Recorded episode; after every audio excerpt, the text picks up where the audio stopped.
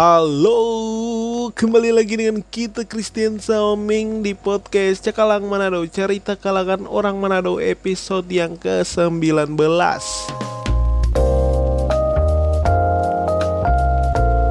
Ya, baru awal tahun, baru awal tahun, baru bulan Januari, baru setengah bulan di tahun ini, orang so banyak kejadian. So banyak kejadian yang sangat mau bilang mau tak kagetnya ada sih.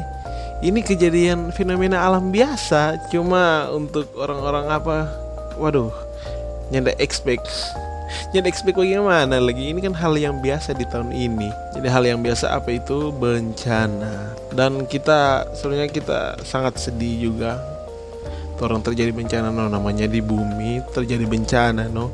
Untuk itu kita turut berduka untuk gempa bumi di Sulbar, Sulawesi Barat dan juga banjir di Kal Kalsel, Kalimantan Selatan. Ya, kita turut berduka atas kejadian-kejadian bencana ini dia. Karena di tahun ini memang uh, di luar negeri memang basal Jumat di Indonesia sini hujan deras tak pernah berhenti. Uh, jadi kita membicarakan tentang Tape Manado ini dia. Baru-baru ini Manado terkena juga bencana berupa banjir dan tanah longsor. Karena mengingat curah hujan uh, beberapa hari lalu sangat deras ya.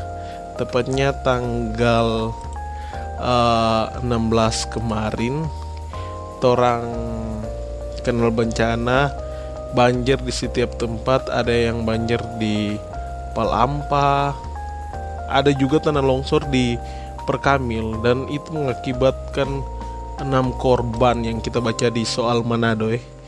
enam korban meninggal dan kita sangat turut berduka cita terhadap itu sebanyak enam orang meninggal akibat banjir dan tanah longsor yang terjadi di satu di sembilan kecamatan oh jadi di uh, tanah longsor terjadi di 9 kecamatan dan 33 kelurahan yang terdampak. Korban meninggalkan korban meninggal. Jadi kalau ngoni mau baca selanjutnya di soal Manado, yuk kita hanya baca di atas atas. Jadi DP intinya ada korban yang meninggal dan kita sangat uh, turut berduka untuk keluarga yang terkena musibah dan untuk orang sebenarnya di kota Manado ini terkena banjir. Walaupun itu hal yang biasa pada orang. Tapi orang harus bersiap-siap dengan itu dan mengingat banjir ini yang terjadi sangat besar ya menurut kita ini. Yang di Manado ini terjadi pada tahun 2014 pada tahun 2014 itu memang parah dibandingkan ini menurut kita. Dibandingkan 30 November dego-dego so hilang. Karena kita masih balita 2000 berapa itu? 2003 kan 2000 berapa itu? Jadi uh, eh, 2014 itu kita waktu masih SMA jadi dia curah hujan memang dari pagi dari eh dari malam DP curah hujan tuh dia cuma DP banjir tuh dia so jam 9 begitu jadi waktu SMA kan pulang eh pulang le pergi jam 7 tuh tepat langsung so masuk so belajar tuh di jam 7 jadi kita datang cepat no Ih kayak jam 9 di telepon bahwa masih eh mahasiswa lagi. Siswa-siswa semua harus suruh pulang karena terjadi banjir. Dan di tengah perjalanan kita menumpang di TP Tamang. Di tengah perjalanan tuh orang bersurvivor di situ. Sampai DP motor berhenti mogok. Rantang-rantang masuk air. Dan akhirnya tuh orang bajalang. So minta bikin apa tuh orang parkir di situ karena so berbahaya sekali. Dan kita bajalang no dari tapi tapi rumah kan di Kombos tuh. Jadi dia tak berhenti di Kanakas itu. Jadi di situ banyak yang akhirnya sudah. Tiba juga di tahun 2021 mengagetkan. Ya kita orang lah so terkena dampak tahun 2020 musibah. Paling ada orang yang bilang cukup jo corona kok ini. Cukup juga musibah ini ya Tuhan. Jangan musibah terus. Ada satu kata eh ada ini kata-kata mutiara ini atau motivasi ini. Uh, orang harus berharap yang terbaik dan bersiap untuk terburuk. Jadi orang harus berharap yang terbaik tapi nyak semua orang mau dapat yang terbaik. Kan untuk mendapatkan terbaik itu orang pejalannya tidak rata dong tetap ada ancur jadi orang harus bersiap yang terburuk. Kalau nggak hanya berharap terbaik nggak hanya bersiap yang terburuk nggak akan jatuh di situ.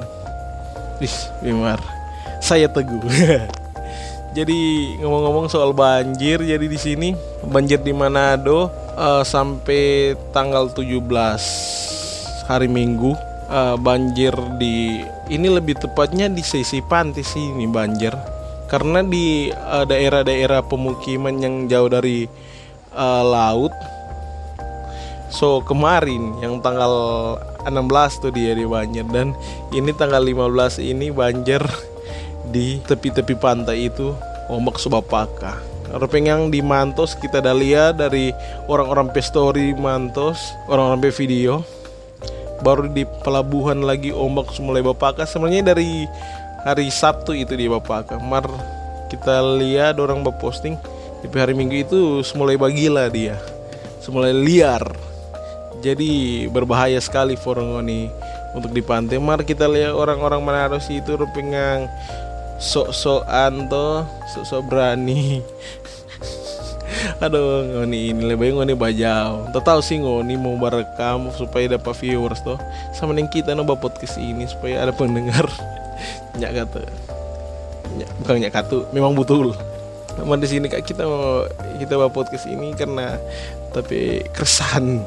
Tapi rasa apa bangsat lagi orang orang yang tamang-tamang yang pasti ngoni dalia penghuni story ini yang mimim apa uh, ini kong air tundanu tabuka bangsat deng dorong tuh dia. Kita dari kita tertawa sih mar. Waduh sangat takut juga. Mar ngoni jangan ngoni ngoni harus tafsir tuh mim tuh dia dengan nada yang baik. Kalau dia bilang ini kong tundanu air tundanu tabuka atau dia bilang aduh ini kong air tundanu tabuka kalau itu kan masih keadaan takut mar ini kong air tundanu tabuka itu so rupi so gara-gara itu. Jadi ngoni mesti tafsir baik-baik.